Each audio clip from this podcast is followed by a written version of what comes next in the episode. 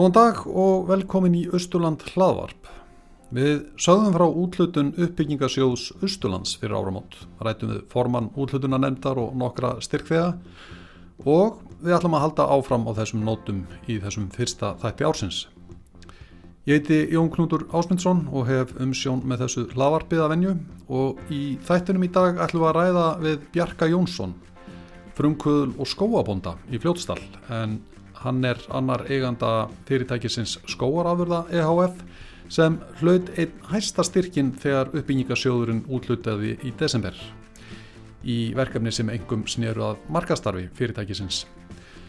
Við ætlum að fræðast aðeins um skóarafurðir, hvernig fyrirtækið var til, hvers vegna, hvernig gekk þeim að koma sér á markað, framtíðasínina, framtíðarhorfinnar, í stuttumáli hvernig býr maður til fyrirtæki í fljóðstall og hvernig rekum maður það?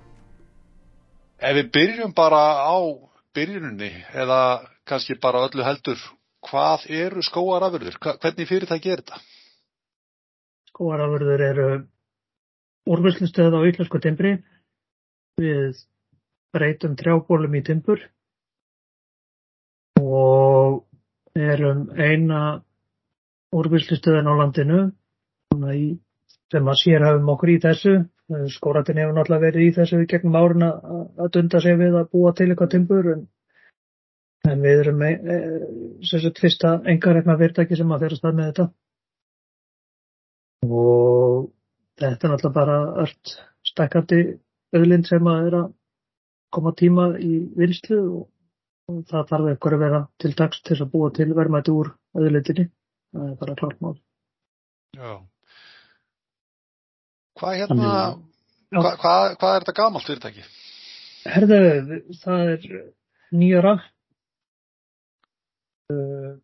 tíu ára í kennitala en, en nýjara í starf síðan við tókum til starfa. Já.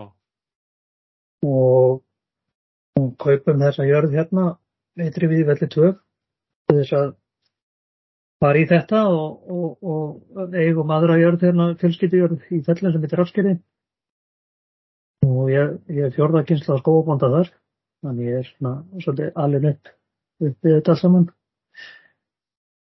og flytjum við hingað 17. janúar 2015 það er akkurat nýja ár núna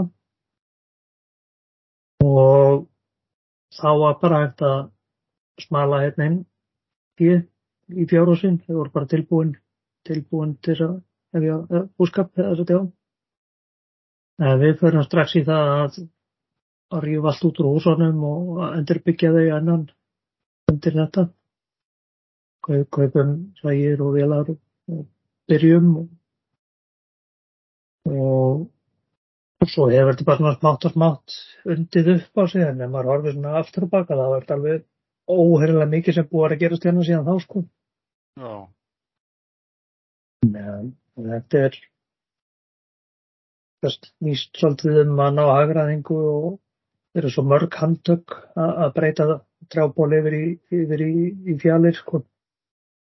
og mikil vinna á bakvið þetta, mörg handtök og, og þá snýst þetta allt um hagraðingar að, að hagraða handtökin og reyna að fækka, fækka handtökunum í ferlinu Já.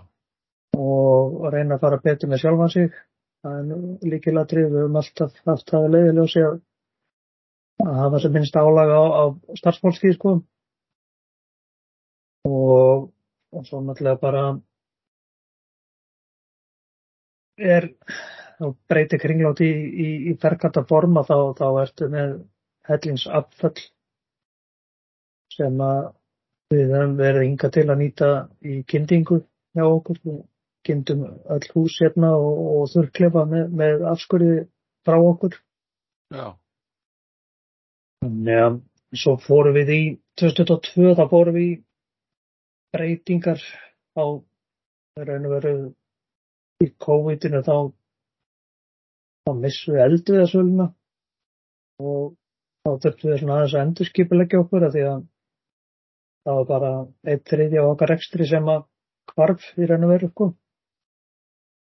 og þá þurftum við að auka afkastin og, og, og leggja meira áherslu á klæningarnar okkar og, framlýslu á timbrinu og þá þurftum við að auka afkostið þess að þetta getur stað undir sér og fórum í breytingar þá. Keftum fjölblaða rammasög og stækkuðum fjölguðum þurrklefum. Og þannig náðu hægraðingu í framleyslunni og svo með aukinni framleyslu þá náttúrulega ekki starfskurðurinn og, og þá, þá hættu við að undan að að, sagt, að, að nota afskurðin allan í kyndingu og þá stóð alltaf til að, að fara í þessa breytinga sem við erum í núna og koma með þessu nýju veru á markað og núna fannst okkur bara svona réttu tímapunktur að fara að ráðast í þetta. Og erum, við erum á fullu í að breyta húsunum núna aftur og öðrum, öðrum hluta af húsunum og, og koma nýju veluminn þess að ná þeirri hægraðingu þá erum við nú svona að verða komnir á damp í þessum húsakosti sem við erum í sko. það getur hægt að fara mikið lengra sko. Já. Uh, hvað vinniði mörg þarna? Hvað er það mörg ársverk? Við erum með 7-8 ársverk hérna þárið. Já. Það er yfirleitt, það er yfirleitt sko 6-7 starfsmennin úti fyrir utan okkur fjölskyttunum. Já. Og hérna þessi klæning, þetta er, eh, menna, ykkur hefur tekist að selja hana og hún, hún er notuð á, á svona uh, eftirtektarverða byggingar í landinu, ekki sett? Já, jú, jú, við, fyrst, fyrsta verkið okkar var nú hús íslaka fræða hjá eitthvað sem hippaðadóttir sem var reist bara, já, 2015, það var fyrsta verkið okkar. Já. Og og þar fengum við að klæða eitt gafl á húsinu og aðeins út á langliðanar sem voru megin og þetta voru 8,5 kílometr af, af timbri sem að fóri þetta þetta var fyrsta verkið okkar þannig að við fórum bara eitt í djúbulögina þetta var lengi vel spór langstæsta verkið okkar. Og, og hérna og það gekk bara vel sko og þetta búið að vakti mikla aðtegli þá.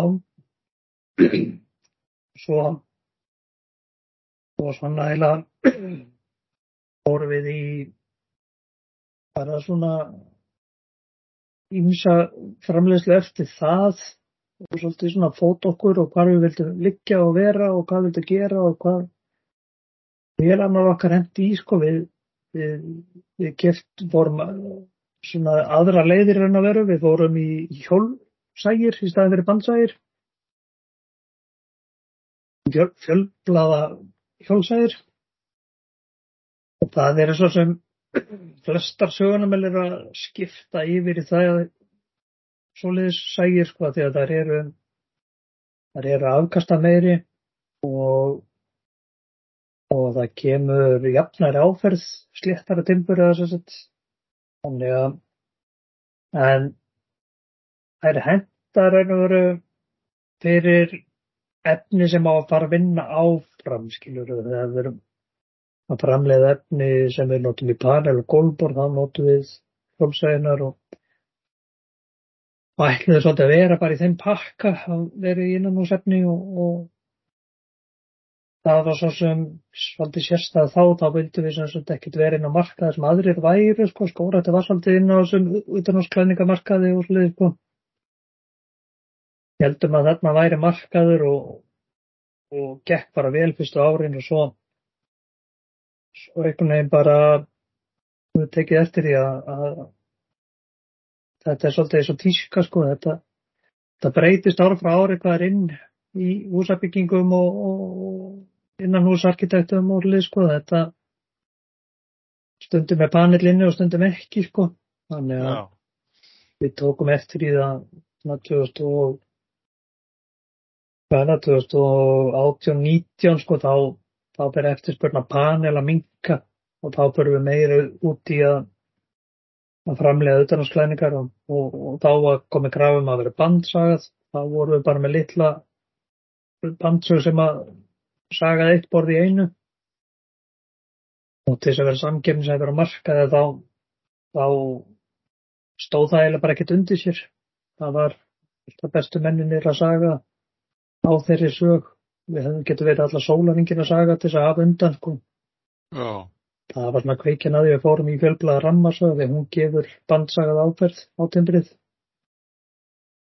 Þannig að en við notum hjólsæðina líka þannig veist, og, og, og tvinnum þetta svolítið saman sko við, við keirum fyrst í gegnum hjólsæðina tökum þá breyttin á spítunum og ferða í gegnum bandsæðina, fjölblaða rammarsæðina sem að tekur þá tyktin á spítunum og þá fáum við bandsagað áferð sem snýr inn og út á klæningunni en, en hjólsagaða hliðar.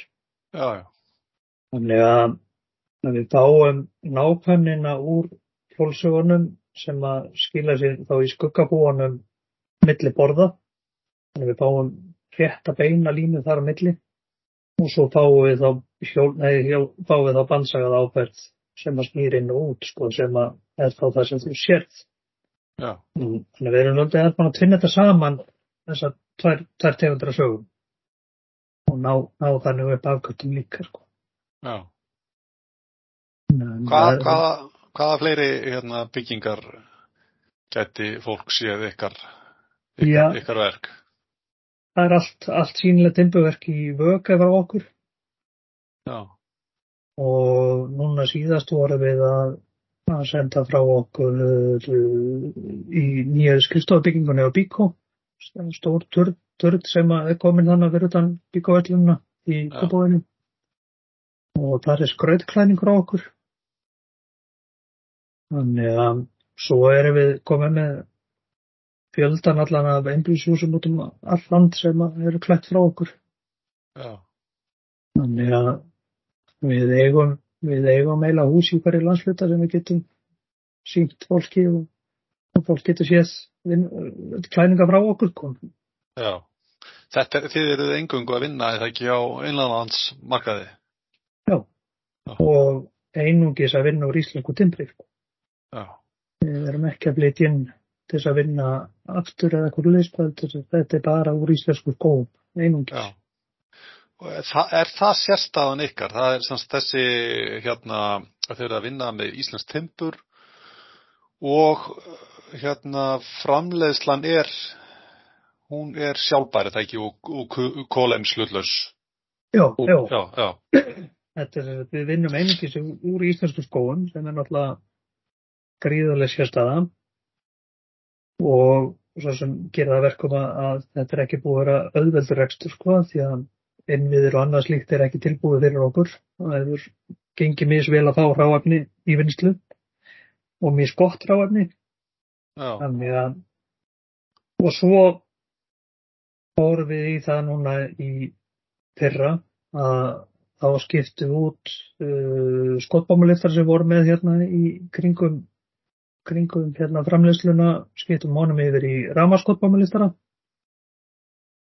og við notum ramaskeðisæðir við það sem það þarf að gera og allt, allt sem er notað er ramax í raun og veru sko þannig við erum búin að taka alla díselnotkun úr framleiðsluferlin okkar. Já. já, Þannig að það er orðið kolminsbors hlutlaust og, og svo erum við stefnum á, á þessu ári að að hérna kaupa pick-up sem að sem að skila þá vörunni til til kaupanda. Þess að já, frá okkur til kaupanda og þá, þá er sáleikur orðin kolumnislutur líka. Þannig að, að við, já, við vinnum svona eins og við getum í þessu. Og, þá móti kemur að, að kaupandi frá okkur, hann fær umhverjast vænasta timbrið sitt frá okkur. Það er held ég ekki neitt manna sem getur gefið umhverjasverðni timbur heldur við. já. Er það að vottað með einhverjum hætti eða er þetta bara eitthvað sem þið notið í markasetningu og... Uh, nei, sko, það, það, það er eitt vekkur sem við erum líka klassa á. sko. Það er rosalega erfitt að fá umhverjusvottanir á íslenska framleiðslu og, og, og það er alltaf stutt við svansvottun eða eitthvað svoleiðis og svansvottun fer fram á FSC-vottun en við erum samt komið með leiði til þess að, að framleiða klæðningar í svansvottuð hús. Þannig að en, en Timbur fyrir okkur það má ekki bara yfir 30% af heildarverkinu sem fólk er að byggja. Uh, ef það fyrir yfir 30% þá er hægt að sækja um undan það hjá umhverjastofnun og, og, og, og hún er bara veitt bara síðan skoðum. Þannig að, þannig að það, það er búið að opnast gríðala stór markar fyrir okkur og stór glöggi til þess að framleiða í. Þannig að en allar svona vottanir eru byggðar á erlendum vottunum og erlendum tengslum þannig að, að það er útlæg erfitt að fá vottun á íslenska vörur. Það er svona, það er svolítið aftalega á meirinni hana. Það er svolítið. Eru þið, eru þið samkernisæf? Er, er þetta eitthvað, ef er þetta, er þetta dýrari framleiðsla en En að þú myndir flytja inn hráöfni? Já, þetta er það. Og hvað notið þið sem sagt þá, eh, já, hvern, hvernig er svona réttlætið það, hvað bara marka? Það fer aðeins eftir hvaða vöru við erum að tala um. Ég var nú bara að skoða þetta bara í, í fyrra dag. Uh, Hotstöðrar sem eru notað í, í pallaskjólveggi og svona 100-100 mm stöðrar að við erum 100 krónum ódýrari á, á metranum þar heldur en til dæmis í Bíkó. Uh, en klæðningar á sömu stærð þá erum við cirka 24, ja, 25% dýrari heldur en, heldur en innflutt og það er alltaf læg, við, við eigum að vera dýrari, það er bara hlust, þetta er sérstæði vara og, og og, og ekki endalust frambóð af því heldur sko. Þannig að fólk er tilbúið að borga, það er sínt sér að fólk er tilbúið að borga þetta meira fyrir innlenda vörur. Þannig að þannig ég held að við séum alveg þannig sé samkjöfnisæf en svo þar sem við höfum kannski fram yfir aðra er það að við erum að framleiða, við sérframleiðum alla allt sem við gerum er sérframlegin, allt sem við gerum og fólk er með ymsa stærði sem að fólk er að byggja um. Arkitektin er kannski búin að tekna eitthvað klæningu sem er í þessum málum sem að passar ekki við timpu sem að húsartmiðin og, og, og bíku er að flytja inn. Þannig að það þarf að kaupa þá kannski timpur annar staði frá og svo þarf það kannski að endursaga það og breyta í mál sem að þau er að fara að nota. Og þá er auka kostnar að fara að bætast ofan á það, þá vinnu sko. Og svo fer það að bera saman með að kaupa beint af okkur og við framleiðum strax í þeim máli sem að fólk er að fara að nota.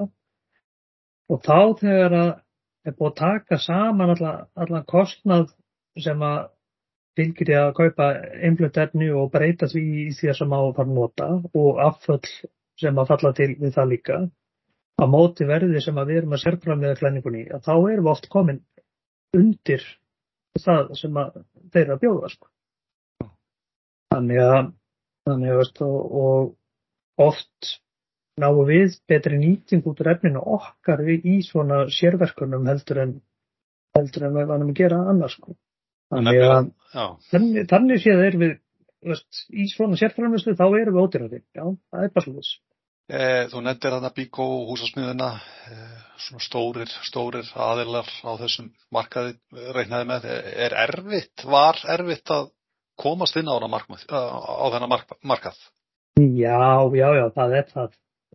Og þegar við byrjum að þá, þá var náttúrulega skóratinn að framleiða úr íslensku efni og og við, við vorum strax helmingi dýrar heldur skóratinn og við bara gátum ekki við gátum ekki keft við, við þeirra vörur við þurftum að standa undir okkar kostnaði og uppbyggingu og launakostnaði og annað.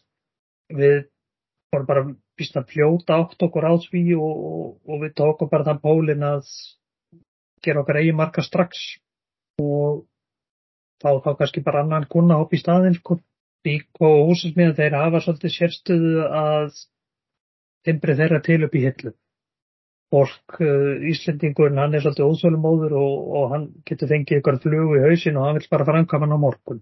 Við erum ekki fyrir það fólk. Það er bara liðs.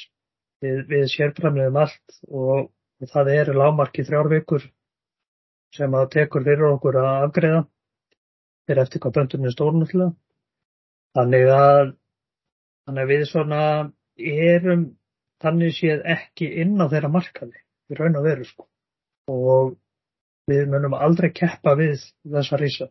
En það er sem, samt álík svona mikill gæðastipill fyrir okkur og, og virðingavert fyrir okkur að að Bíkó er að byggja flagskip sitt og kaupið klæningu frá okkur til að setja utan á sitt hús.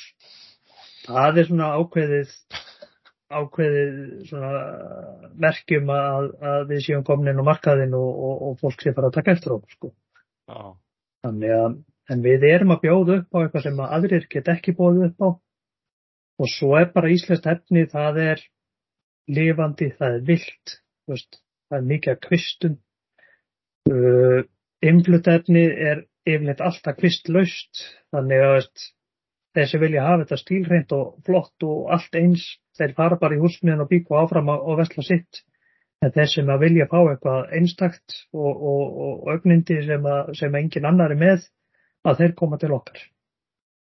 Þannig að þetta, þetta er bara þetta er sikk okkur á hópurinn, það er bara svo leiðis Hvernig hafið þið komið ykkur á markaðin? Er þið duglega að auðlýsa eða er þetta, hvernig, er þetta bara eitthvað sem spyrst út eða? Já, ég held að mm, ég hugsa að við getum alveg sagt að við seljum þrjár til fimm klæðninga fyrir hvert hús sem að við klæðum. Já, já. Já, þetta er, þetta er svolítið maður og mann og jú, jú, við setjum myndir inn á Facebook og, og eitthvað hljóðs, við nota Facebook mikið í, í, í, í þess að koma okkur á frambæri og sína, sína myndir. Uh, í fyrra þá byrjum við kannski meira að auglýsa okkur á, á almennu markaði í útvarpi og sjónvarpi. Prófa það í raun og veru bara veistu, jú, það skilaði helling. Uh, en við erum ennþá lítið fjölskyldu fyrirtæki og við erum að byggja okkur upp. Uh, við viljum ekki hafa oflanga byggtíma því að það finna þennan balans, við erum alltaf að reyna að auka afkvöldin til þess að að geta skilaði hraðar af okkur og, og annars líkt en þurrkur tekur bara alltaf sinn tíma, það er ekki hægt að flýta henni, hún bara tekur sinn tíma, það er ekkert í því að gera. Og, ef þú ætlar bara flýta þurrkuna, þá ertu bara fann að skemma timbur og þá eru komin affell aftur, skilur, og við viljum það ekki, þannig að, þannig að við viljum svolítið halda okkar tempói, en samt hafa sem styrst þann afgrænslutíma. Þetta, þetta, þetta er erfitt að synkronera saman, en, en, en hefur samt tekist ágætlega, sko. Anniði eftirspurn, getið þið stækkað? Við getum stækkað, já, og, og við erum í dag svolítið að, að horfa á, já, hvað ég að segja, 5-6 ár fram í tíman, í raun og veru. Það er ekki að vera eftir 5 ár, þannig að við þurfum að fara að hugsa um það í dag. Hver er framtíðasínin? Framtíðasínin er nýtt húsnæði sem að hendar undir starfseminar sem við erum að vinna. Og við ætlum að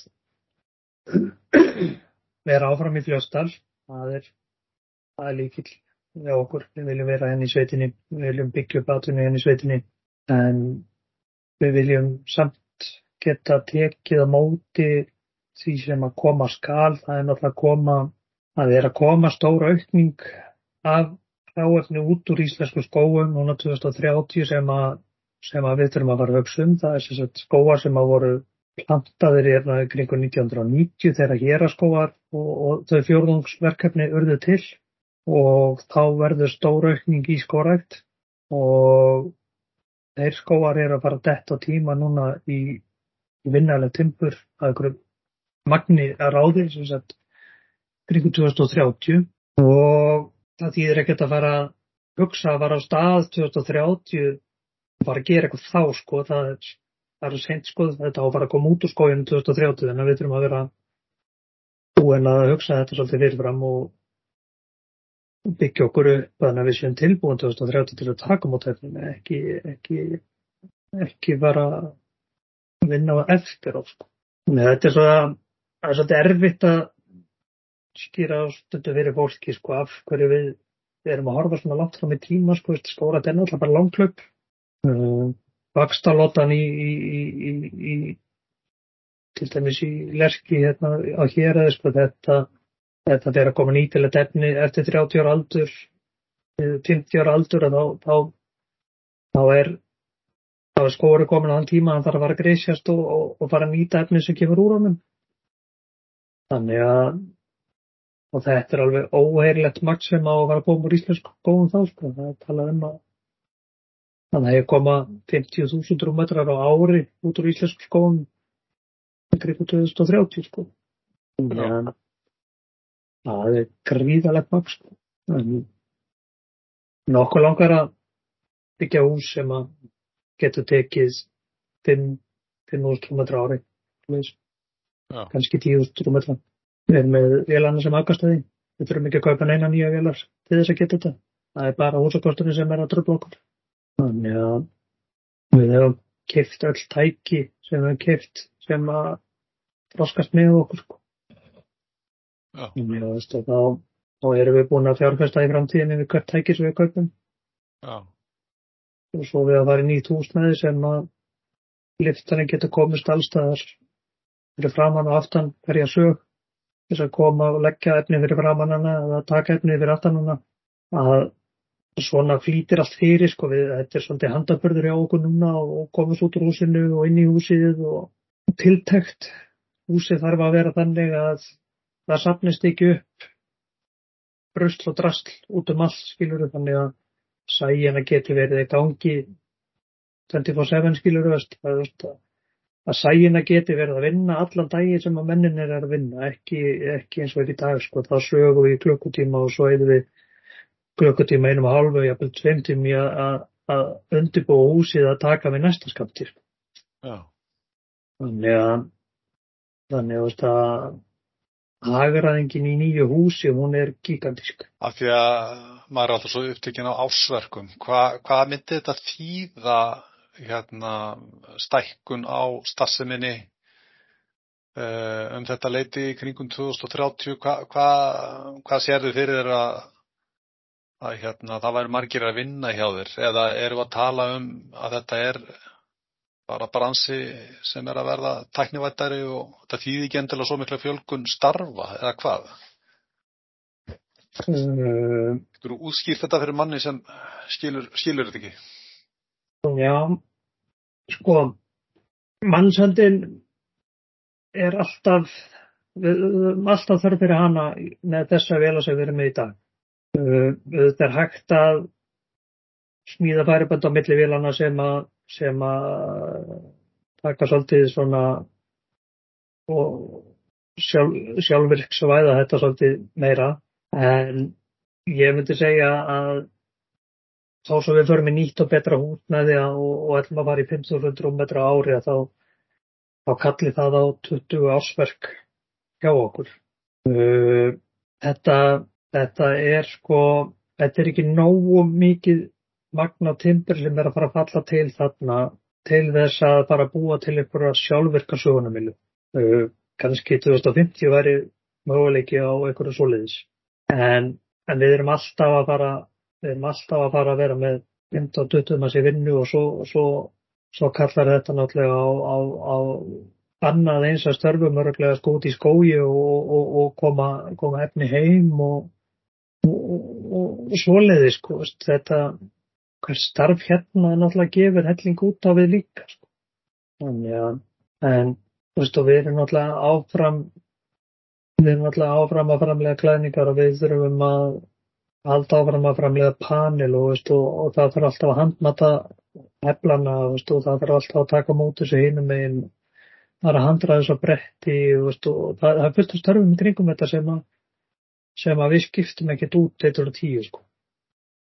þannig að en við getum gert helling til þess að létta okkur þannig að við séum ekkert að meðhandla bólina eða efnið eitthvað milli nema bara með einhverju tækjum og tólum skilju þannig að Þannig að þetta verði þá meiri svona tæk, tæknivært störf sem að kalla á þá vinnulegaréttindi og, og, og, og stjórnun á einhverju tækjum sem að, sem að létta okkur lífið sko. Þannig að, en veist, við þurfum alltaf að, við þurfum alltaf að hérna halda okkur held ég við störfin í kringum þetta og veist, bara sér að í kringum þetta þannig sko. Og eldviðurinn er náttúrulega framleitu bara með hendi og og pakkaða með hendi og það þarf að mata inn í þurrklefana, taka út úr þurrklefana, það þarf að endurstafla brettum og, og veist, það er alveg óheila mörg, mörg handtök sem að verða að gera þeim. Að, þannig að þetta, já, þetta kallar að mörg, mörg störf. Allar næstu skref hjá okkur eru þá ointalega að fá, hvað, fá fólk með ykkur í þetta, fjárfesta og fólk sem, sem trúur á þetta eins og þið. Já, já, það er svolítið svolítið sko. Timburðinar er stærsti yðnar í heimi og Ísland er bara rétt að byrja. Ef við varum með sögunamil á þessu starðagráðu í Svíþjóð þá myndi ég sennilega sparka fram þeirri þrejum fjórum fjárföstum í hversin sem ég lappa út á ná í mokkan sko. Þannig að en ég er á Íslandi hafa menn svo sem ekki alveg endilega trúa á íslensku skói og fullta menni sem að koma bara að spyrja að byrja skóur á Íslandi sko. Þannig að Þannig að veist og, og það er svo sem maður skilur það alveg. Skóar á Íslandi eru í torfum hér og þar skilur þetta er yfirleitt svona bundið einhverju stöðum, veist, fullt af skói kringum flúðir, Haukatal, Þjórsótal, svo kringum, hérna, kringum fljótið hérna á héræðinu. Þetta, þetta, þetta liggur svona í þyrpingum hér og þar. Norðurland er mikið að skói líka. En þeir sem að búa ekki kringum þessa staði, sko, þeir áttast ekki á því að að þetta sé yðnað sem getur raun og verið orðið til á Íslandi. Við, við erum glálega komið ánda sko, það er alveg bóttjátt. Og við erum hér og, og byrjuðum hér fyrir skóabændur, það var skóabændur sjálfur og við vorum að grísja hjá okkur og þá kom enn út úr góginum og þá vorum við að hugsa hvað var hægt að gera til þess að koma sér verð og þegar við vorum að grísja hann að reyta þá, þá var hann það þéttur að við komust upp lengur inn í skógin sem að, sem að fór inn í eldri reyti og þegar ég góð þánga þá lág fullt að efni þar inni sem að var búið að stilla upp til þess að draga út úr skóginum en það lág bara ennþaðan og ég fór ekki að spyrja pappa út í þetta og þá sagði hann að hann hefði, að Afi hefði fengið skóratamenn til þess að koma og grísja fyrir sig. Og svo var staðan þannig að það voru ekki tilnend tæki og tól til að ná efnin út úr skójunum og það var engi til að kaupa efnin til að búa til eitthvað úr því. Og svo sem eftir það sko þá byrja skórættina eitthvað að gera hérna á allastað og, og, og svo svo náttúrulega bara þegar efni er búið að liggja inn í skói í ekki langa tíma þá, þá er það ekki notægt í timburleitningar sko. Þá, þá er það bara eldriður eða bara verður ónýta því að náttúrulega sérum að, að brjóta niður timbur Og ég fór að hugsa með mér, veist, núna bara 30 ára setna þá, þá erum við bara nákvæmlega svona stöðu. Og, og þá vildi ég bara gera eitthvað í þessu. Og við erum hérna fyrst og fremst fyrir skóabændur og svo við höfum þurft að reyða á skóratinni núna síðust ár að kaupa ráfni í vinslu að þá erum við að byggja okkur upp fyrir skóabændur, skóabændur sem eiga megnið af skóanum á Íslandi. Þannig að, og ef að við erum ekki hérna til staðar til að búa til vermaðt úr skóginum að þá þá er ekki verðmættasköpun í öðlundinni sem verða að reyna að búa til sko. Þannig að, að þetta er mikilvægur rekstur á marga bóða sko. það er mörg að huga af við eins og því dag sko svolítið mikið umtalum að, að það þurfi að gróðasetja og gróðasetja og binda kólefni og binda kólefni sko en það gleymir svolítið að það þarf einhver að vera á einum endanum til þess að taka móti öllu þessu bundna kólefni og koma því í fast form það er talað um þegar að búið að framlega timpur og koma því í hús að það svo er búið að koma kólefnisforðanum fyrir í fast form. Þannig að við erum þar, þannig að við erum ekkert síður mikilvæg í öllu þessu ferli heldur en bara gróðursetning. Sko. Þannig að, og, og búa til verðmætt úr skóginum, og það er enginn til að búa til verðmætt úr skóginum að þá, þá er enginn öðlinn til. Þannig að þess vegna er við og, og ætlum að, að reyna að taka kóin af þessu nýtalega efni sem að hægt að gera. Kísiverðin er að taka, taka efni líka sem að eru þá toppar og rusl sem er ekki hægt að nýti eitthvað annað Þannig að menn, menn bölvaði stundum að það sé bara verið að kveiki í skóginum en þetta er bara mikil, mikilvæg partur í keðjunni að greisja af því að ef að skóin er ekki greisjaður þá gísnar hann ekki. Og þá við aldrei timbur til þess að fletta. Þannig að, þannig að það er mjög mikilvægt að hafa þessi kísuverð á þessi stór, stór þeirnast fyrirtæki til þess að kaupa ruslið og gera það skóanum verðmættari fyrir vikið. Gera á tilbúna fyrir okkur þannig að, þannig að við erum bara loka hlekkurinn og ekkert síður mikilvægt hendur en upphafið en mönnum finnst oft sko það sem er að fara að gerast eftir 30 ár við þurfum ekki að hugsa um það í dag. Það, það er eftir 30 ár. En við erum búin að vera núna í nýja ár að byggja hérna og ég segi það, við erum fyrst núna að komast á kortið, fólk, fólk er fyrst núna að vita á okkur, ég, ég er ennþá í hverju einustu viku þá ringir einhver í mig og segir ég hafði ekki hugmyndum ykkur, ég hafði ekki hugmyndum að vera hægt að fá Íslandsdempur og það segir okkur líka það að við eigum langt í land eftir á markanu líka þannig að en Íslandsdempur er valkostur í dag sem að er alveg sambarlega við annað tempur þannig að, að og, já við eigum fullt á stakkarnamöguleikum eftir. Þannig maður það, takk kærlega fyrir að hlusta. Ég hveti ykkur til að fylgjast með Östubrú á heimasíðun okkar og á Facebook og Instagram. Við erum svona hægt og rólega að gera okkur gildandi þar. En á öllum þessum síðum segjum við frá verkefnunum okkar en við erum verkefnadrifin stopnun eins og sagt er. Fáumst við fjölbreytt verkefni á sviði endurmentunar, háskólanáms og rannsókna, markasetningar, menningar, atvinnu og byggðathróunar. Svo ekki sé minnst á verkefni sem tengjast sambandi sveitarfélaga á Östurlandi og sæðiskipulagi Östurlands. Aukþess veitir Östubrú allskynst þjónustu í menningamálum, náms og starfsrákjöðu, atvinnur ágjöf og fleira og fleira og fleira. Farið á heimasíðun okkar, lesið fréttinnar, skoðið ársritin okkar sem eru rafræn og aðgengilega á heimasíðunni. Þar er farið yfir öll verkefnin okkar á skýran og skilmerkilegan hátt Þið verðið margsvísari um starfsemi Östubrúar og þau fjölbreyttu verkefni sem hér eru unnin ef þið skreppið og heimsækið östubrú.is en allavega þanga til næst verðið sæl.